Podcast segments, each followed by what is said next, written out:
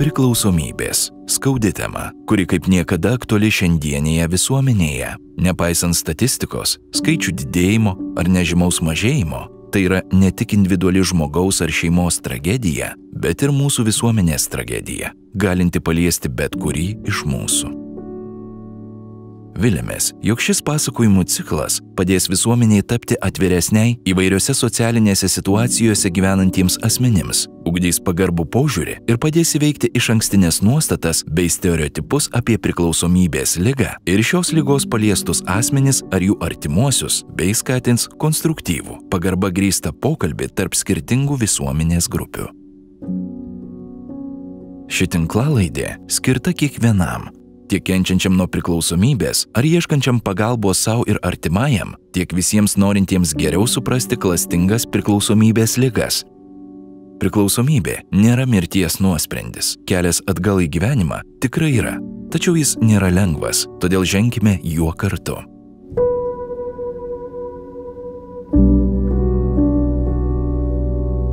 Pirmajame ciklo epizode išgirsite Rolando liudijimą, apie jo kelią į aktyvios priklausomybės tamsą, kasdienės pastangas iš jos pabėgti, bei kaip išlikti žmogumi deformuotų santykių ir įvaizdžių pasaulyje.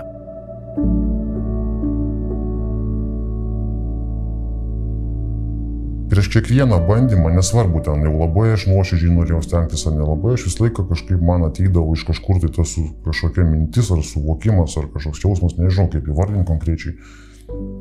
Nu, reikia dar bandyti. Nu, reikia bandyti ir viskas. Nu, yra dar dėl ko gyventi. Aš galiu pasakyti, ko aš kiekvieną vakarą prašau Dievo. Tai yra gan paprasti dalykai. Aš jo prašau keletas dalykų. Tai yra, kad jis man duotų stiprybės, sveikatos ir išminties eiti priekį. Ir priimti tinkamus sprendimus. Ir kad kai man bus sunku, kad jis tiesiog būtų šalia.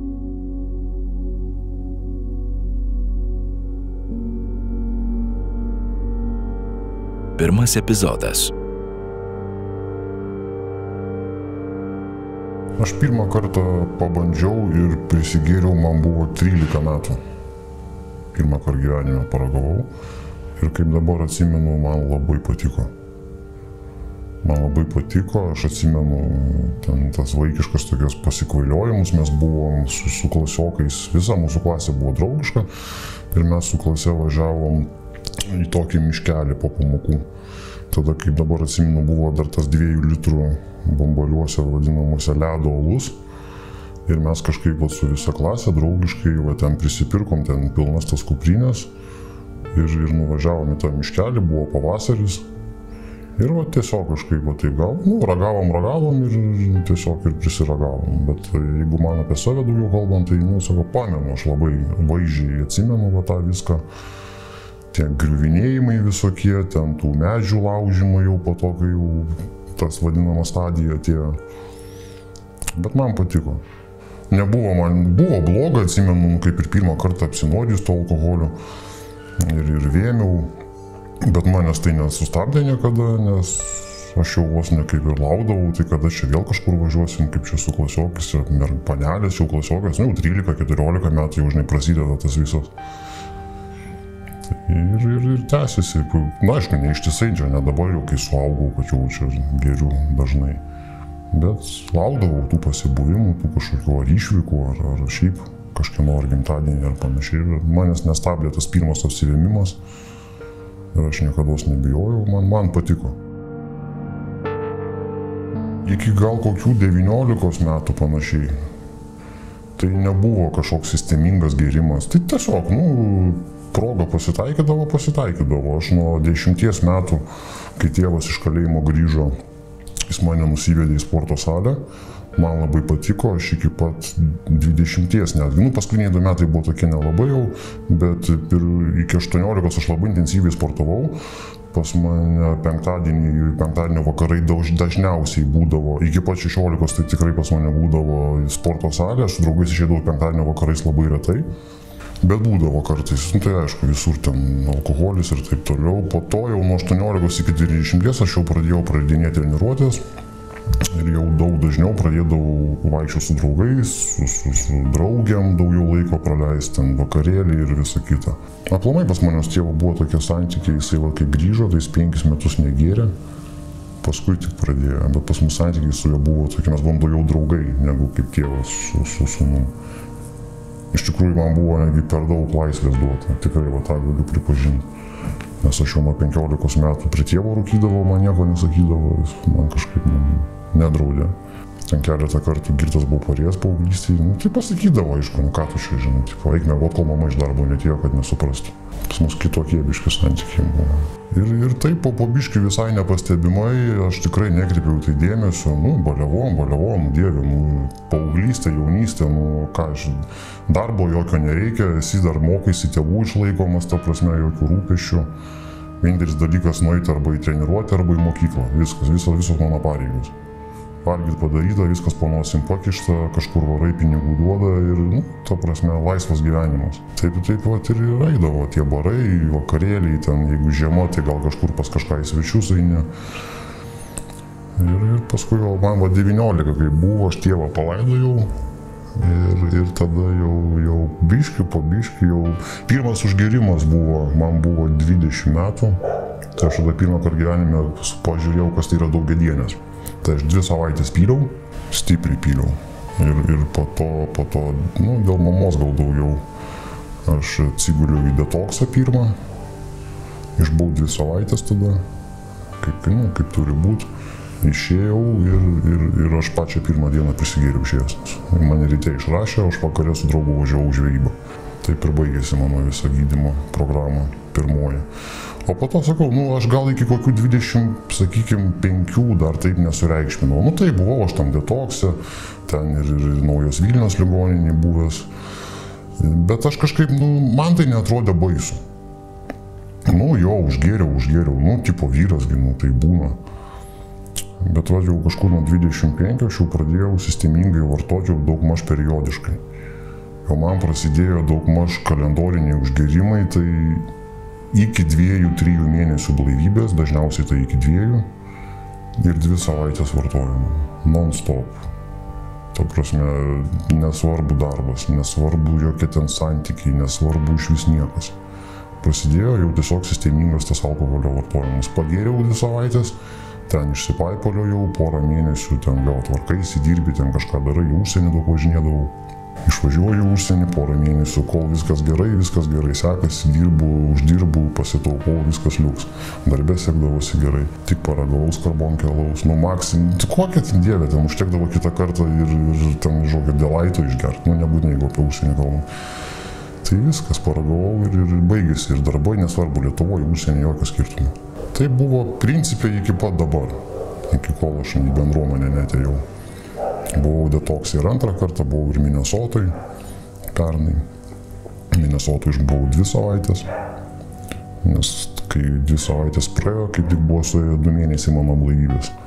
Ir man kažkas mėginyse susisuko nu, ir tik išėjau, atsimenu, su tašė ir į teniausią parduotuvę nuėjau, nusipirkau fleškutę 200 gramų, iš karto prie stotelės aš ją susiverčiau ir visos mano Minnesoto žinios baigėsi.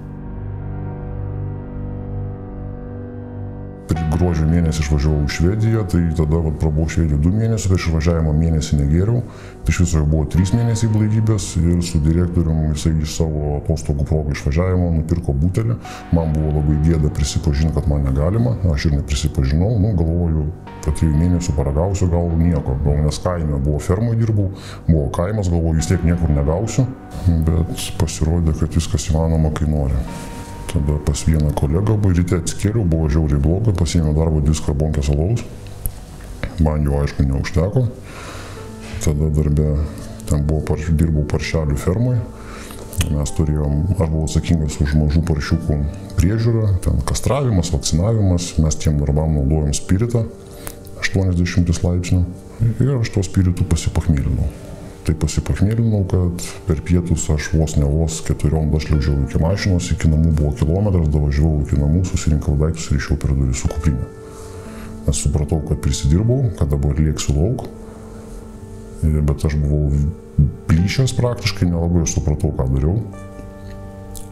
Išėjau, dvi dienas, dvi paras tiksliau, kažkur tai blūdinau, aš po šį dieną neatsimenu, kur aš buvau, bet mane surado po dviejų parų, įsodino į keltą, grįžau į Lietuvą.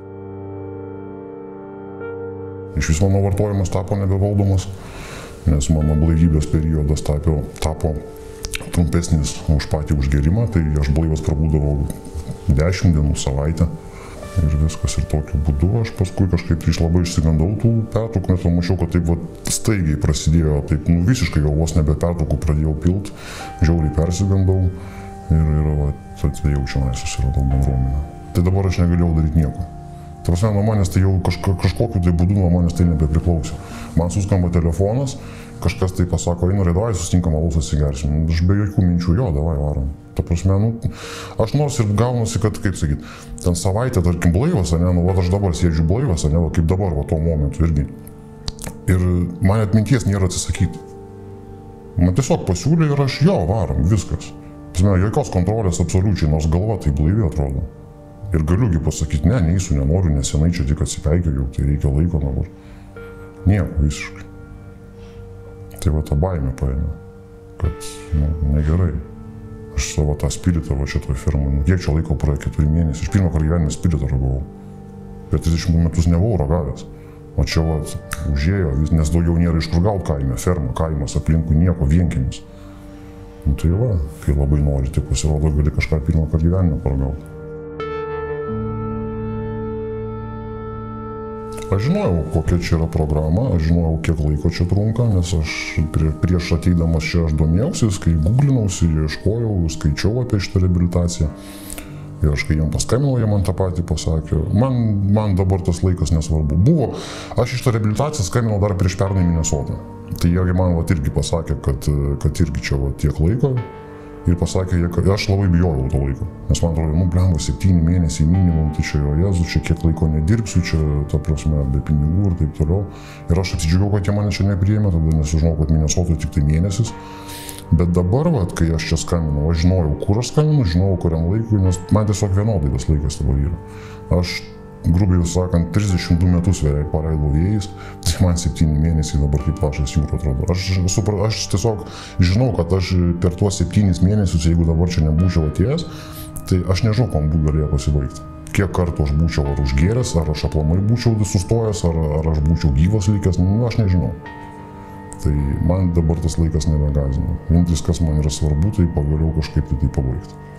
Ta prasme, tos gerimus visus, kad aš gyvenčiau pagaliau blaiviai ir ilgiau negu du mėnesius. Tai manęs laikas negazdina. Tiesiog atėjo tas, tas kažkoks supratimas, kad nebėra kur bėgti ir ko bijoti, nes visi tie bėgimai, bijojimai, aš va tada, kai nepriemė manęs čia ir galvojau, kaip gerai nereikės 7 mėnesius čia tipo ale vėjais paleisti. Tai aš labai suklydau ir aš juos paleidau vėjais. tą laiką, kur galvoju, dirbsiu ir bus gerai. Nu, taip, dirbau bet aš išleisdavau daugiau negu aš uždirbdavau, pragerdavau. Tai ne tik pinigus pragerdavau, tai buvo ir santykiai, pasitikėjimas, gal sveikata, nu, viskas absoliučiai. Tokių dalykų kaip žmoniškos vertybės pas mane planai nebuvo, neegzistavo man toks žodis kaip sąžinė, gėda. Paskui taip, kai išsipaipaliau, bet tuo metu, kai geri, nieko visiškai, absoliučiai. Vienintelė užmėgi su viena mintimi ir atsikeli su viena mintimi - gerti smigai, girtas atsikėlė, tau blogai, pas tave tik tai galvoji, iš kur gal dar gauti. Eini skolinėsi, ten dar kažką darai, ten telefonai lombardą neši. Nu, ta prasme darai bet ką, kad tik tai, kad tik tai galėtum dar įkalti.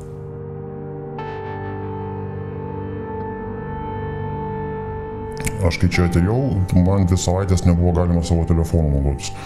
Ir aš kai po dviejų savaičių gavau, aš paėmiau telefonų knygą ir aš pamačiau, kad aš neturiu kam skambinti.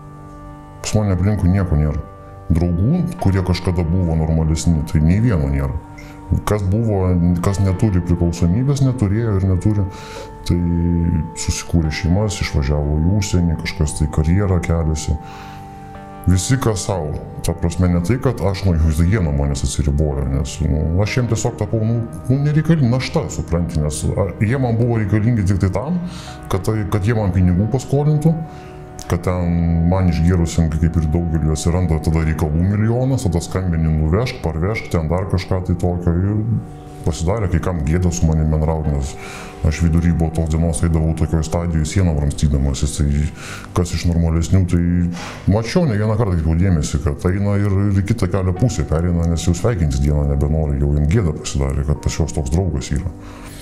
Ten kas liečia artimuosius, tai nežinau, man sakau, kai sakau, nieko švento nebuvo, tai ir, ir mamai kiek esu primelavęs, ir broliui, ir močiutį. Melavau visiems iš eilės, manipuliavau, bet kokiom situacijom sukurdavau aš jų, bet kokiau, bet kokių, ta prasme, visiškai, kad, kad, kad ar gaut, ar paskolint, ar nu, kažką tai padaryti. Kad tik tai va, turėčiau kišenėje va, kažkokią tai kapeiką, va, kad nusipirk galėčiau. Tai jau vis tiek, žinai, aš galvodavau girtas, kad aš pats protingiausias, čia sukūriau gražią istoriją, gražią pasaką, čia aš toks protingas, niekas niekada nesupras, neišriš ir su tą paslaptimą aš nieko pusnuojas. Jo labai greit suprasdavau, pats prisiduodavau, nes čia tokioje stadijoje ateini, primeluoji už penkių minučių, pamirštų, ką aš pasakoju, po to pats išsiduodu. nu, žodžiu. Ir, ir jo, tai pyko visi, mama kiek kartų yra, ne tai, kad sakius, ne manęs į namus neįleidus yra. Sakė, tu girtas man nesirodė, būsi blaivas, prašom, bet ir priešnekėjęs, ir žaidęs esu, žinai, pykčio būna. Priešnekė to, ko tikrai net negalvoju ir nenoriu, bet priešnekė. Man buvo ilgą laiką labai, aš visą laiką galvojau, o aš čia toks stiprus žmogus, aš čia vyras, kaip aš čia pasakysiu, kad man skauda. Aš visą laiką bėgau, visą laiką bėgau. Aš visą laiką kažko tai bijojau. Problemų, kad nežinau, kaip įspręsti. Ten, nežinau, santykiai, kažkokie nutrūko Tai ne, kad juos eit pataisyti arba įsiaiškinti, gal aš kažką blogai padariau. Ne, baigsiu. Taigi lengviau į butelį iš karto pasiimti. Mangi skauda šiandien. Man negerai kažkas, man, man darbė kažkas nepasisekė, aš pastabą gavau. Sakai, aš bėgimas nuo kažko tai ir tas bėgimas galiausiai tapo tiesiog priežastim. Tu susirandi priežasčių elementariausių, dėl ko gerti. Niekada nespręsdavau problemų, dėl to, kad aš jas numesdavau ant kažko tai, ai, ten kažkas sutvarkys ten su pinigais problemos, ai, tuoj paskambinsiu, pasiskolinsiu, žinai. Šeima subirėjo dėl alkoholio. Tai pas mane nebuvo minties, kad blembo gal man čia reikia rimtesnės pagalbos, negu ten nuojos Vilnius ligonį prasilašinti ir maždaug viskas baigėsi.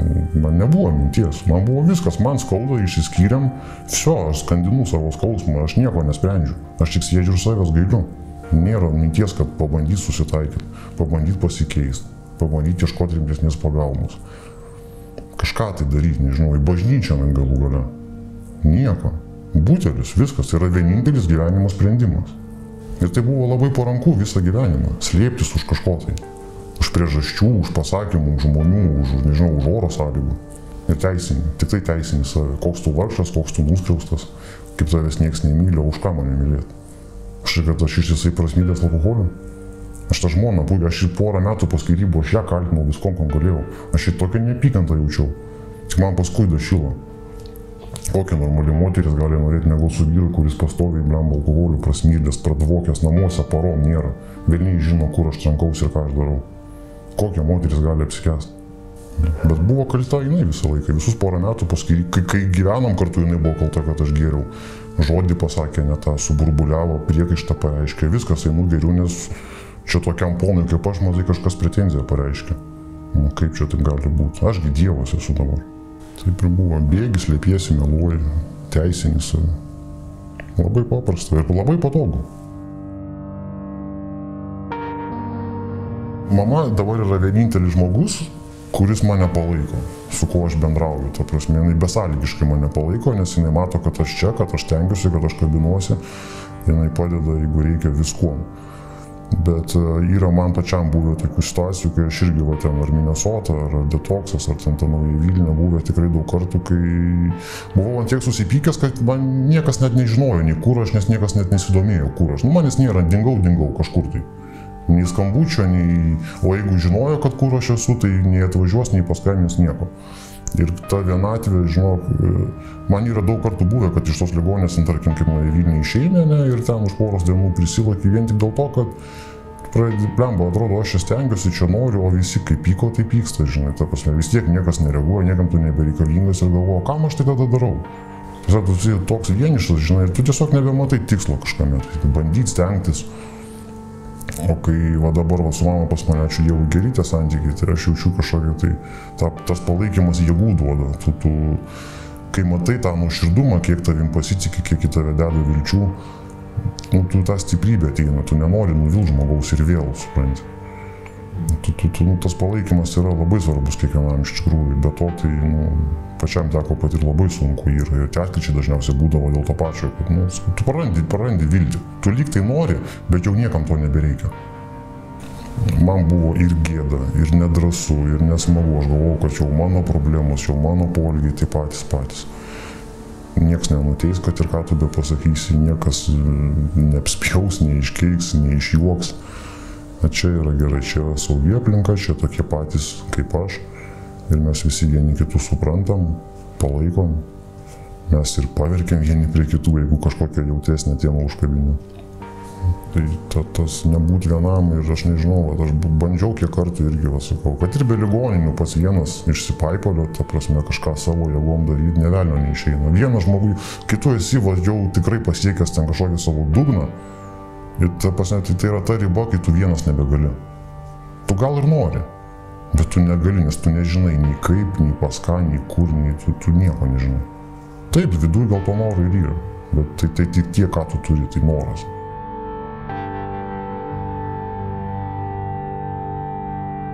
tas kelias, aš nežinau, ar aš jį atradau.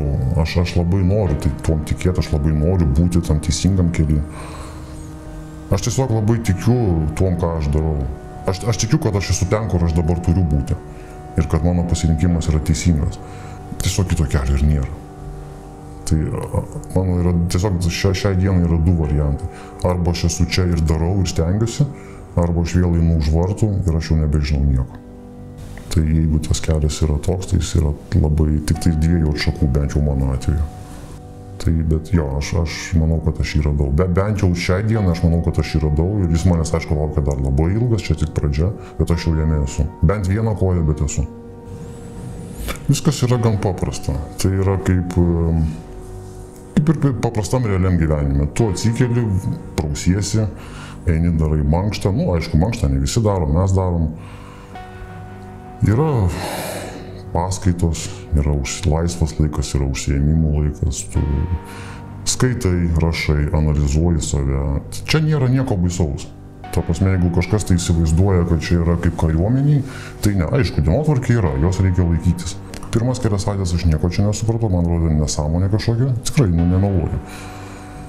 Bet po to jau, kai vat, praeina trečia, ketvirta mėno, antras eina, tu supranti, kad, nu, aš pavyzdžiui jaučiuosi gerai aš žinau, kad aš darau teisingai, aš klausausi, aš girdžiu, aš nesuprantu, klausiu. Ir aš jaučiu tą naudą, aš pradedu pats save matyti. Aš pradėjau stebėti, kaip mane lyga veikia, blaivybėje būnant, kokios pas mane emocijos, dėl ko jos atsiranda. Žinai, tu mokaisi pažinti save. To, ko anksčiau tu niekada nemokėjai, net nežinai, kad taip gali būti.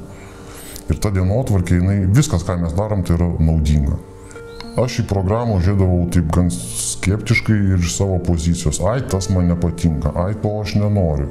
Ai, čia gal apsimėsiu, kad klausau, bet iš tikrųjų skėlau dėmesys, ten tas negerai, anas negerai. Aš dabar čia atėjęs, aš pasakiau pats savo, kad dabar aš darysiu viską, ko aš anksčiau nedariau ir kas man nepatiko. Ir Čia nėra kažkokia religinė sekta, kad mus verčia merstis 10 kart per dieną.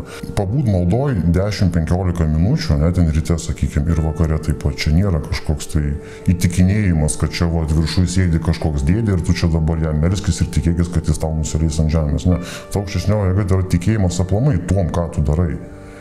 Tai ta, ta, tas tikėjimo supratimas, tai sakau, nu, neperšama tau mylėkit Jėzų Kristų, garbinkit viešpatį, nes, nes ir turėkit kažkokį tai jo vaizdą nusipiešę, net ten kažkoks tai vyrukas su barzda. Tai tiesiog yra tikėjimas kažkuom, tai kažko, kas tave veda į priekį, kodėl tu turi tos, iš kur ta jėga pas tave plamai atėjo čia būti. Nes aš anksčiau mėgau po balkoną apsimyžęs kažkada, taip yra buvę, kai prisilokiau. Ir man nieko nereikėjo. Bet iš kažkur tai man atėjo ta jėga nenusižudyti, neatsidurti toliau prie konteinerio ir būti, keltis ir daryti. Tai va ta jėga iš kažkur tai jinai yra pa žmogų. Ne? Bet net jeigu žmogus ir netikintis, ir jeigu jisai galvoja, kad aš neįsiu į bendruomenę, nes aš dievų netikiu, pas mus į bendruomenę yra žmonių, kurie netikia. Bet ateini tą maldą, pabūni, tu nusiramini. Ir visa ta dienotvarkė yra įdomi, naudinga ir, ir padeda tikrai. Paigėręs kažkada tai esu ne kartą pagalvojęs, kad koks mano gyvenimas blogas, koks aš čia nelaimingas, čia nuo manęs visi nusisuko, būtų geriau numirti ir pasibaigtų bėdos. Bet tai, nu, pagalvoji, pagalvoji ir baigėsi. Man asmeniškai nedaėjo iki to. Aš visą laiką kažkaip bandydavau dar savyje rasti jėgų ir pagalvoti, dėl ko aš dar noriu gyventi. Nes prieš kiekvieną bandymą, nesvarbu, ten jau labai aš nuoširdžiai norėjau stengtis ar nelabai, aš visą laiką kažkaip man ateidavo iš kažkur tai tas kažkokia mintis ar suvokimas ar kažkoks jausmas, nežinau kaip įvardinti konkrečiai. Nu, reikia dar bandyti. Nu, reikia bandyti ir viskas. Nu, yra dar dėl ko gyventi. Aš esu praradęs šeimą, aš dukros savo, jei dabar vat, bus neužilgo šeši metai, aš jos nemačiau virš keturių metų. Aš ją gatvėje sutikęs jos net nepažinčiau.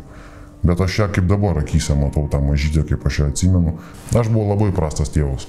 Aš nemokėjau būti tėvu, aš nežinau planai, ką tai reiškia. Mano gyvenime buvo pirmo vietoj butelis, tai buvo mano mylimiausias vaikas, draugas, ten vadink kaip nori. Bet aš turiu dėl ko gyventi, aš turiu du sunienus labai gražius, aš turiu brolį, mamą, močiutę, kurie mane myli. Tai pyksta, be abejo pyksta, bet aš žinau, kad jie mane myli ir aš juos myliu. Dėl to aš turiu dėl ko gyventi. Aš negaliu visą leisti pasielgti egoistiškai, kad man vienam sunku, aš dabar savo ten, nežinau, nueinu pasikariu ir viskas. Tai aš paliksiu kiek skaudančių žmonių. Toliau aš tikiu, kad aš jaučiu, kad aš turiu jėgų dar atsikelti. Man svarbiausia, kaip į mane pažiūrės mano vaikas. Ar aš tai savo buvusiai patiksiu ar nepatiksiu, ar, ar norėsiu ar nenorėsiu, čia yra jos pasirinkimas. Jis suaugęs žmogus, jinai priims sprendimą pati. Man svarbu, kaip mano vaikas. Aš sugebėjau prarasti labai lengvai. Man sugebėti atstatyti reikės turbūt be proto daug jėgų, drąsos ir, ir pasiryžimo. Bet man svarbiausia tikinai. Aš jos nemačiau, sakau, keturis metus ir ten netgi su subiškiu. Bet aš ją kaip dabar matau akise.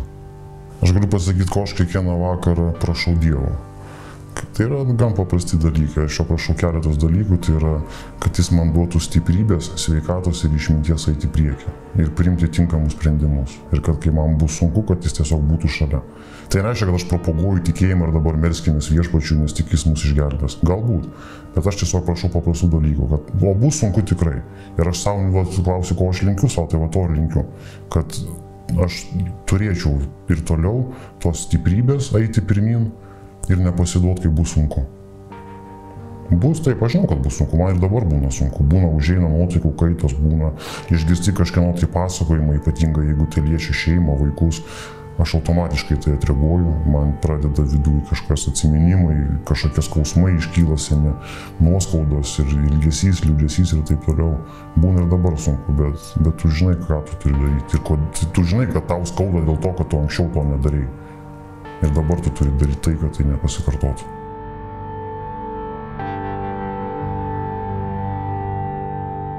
Priklausomybės lygos gali visiškai sužlugdyti žmogaus gyvenimą, todėl svarbu laiku kreiptis į specialistus ir nedelsiant ieškoti pagalbos. Jos sukelia tiesioginę grėsmę ne tik alkoholį ar narkotinės medžiagas vartojančiam asmeniui, bet ir daugeliu kitų jį supančių žmonių bei veikia sveikatingumą plačiaja prasme. Dėkojame visiems klausiusiems ir tikimės jūsų dėmesio sulaukti kitame šių tinklalaidžių ciklo epizode. Likite sveiki.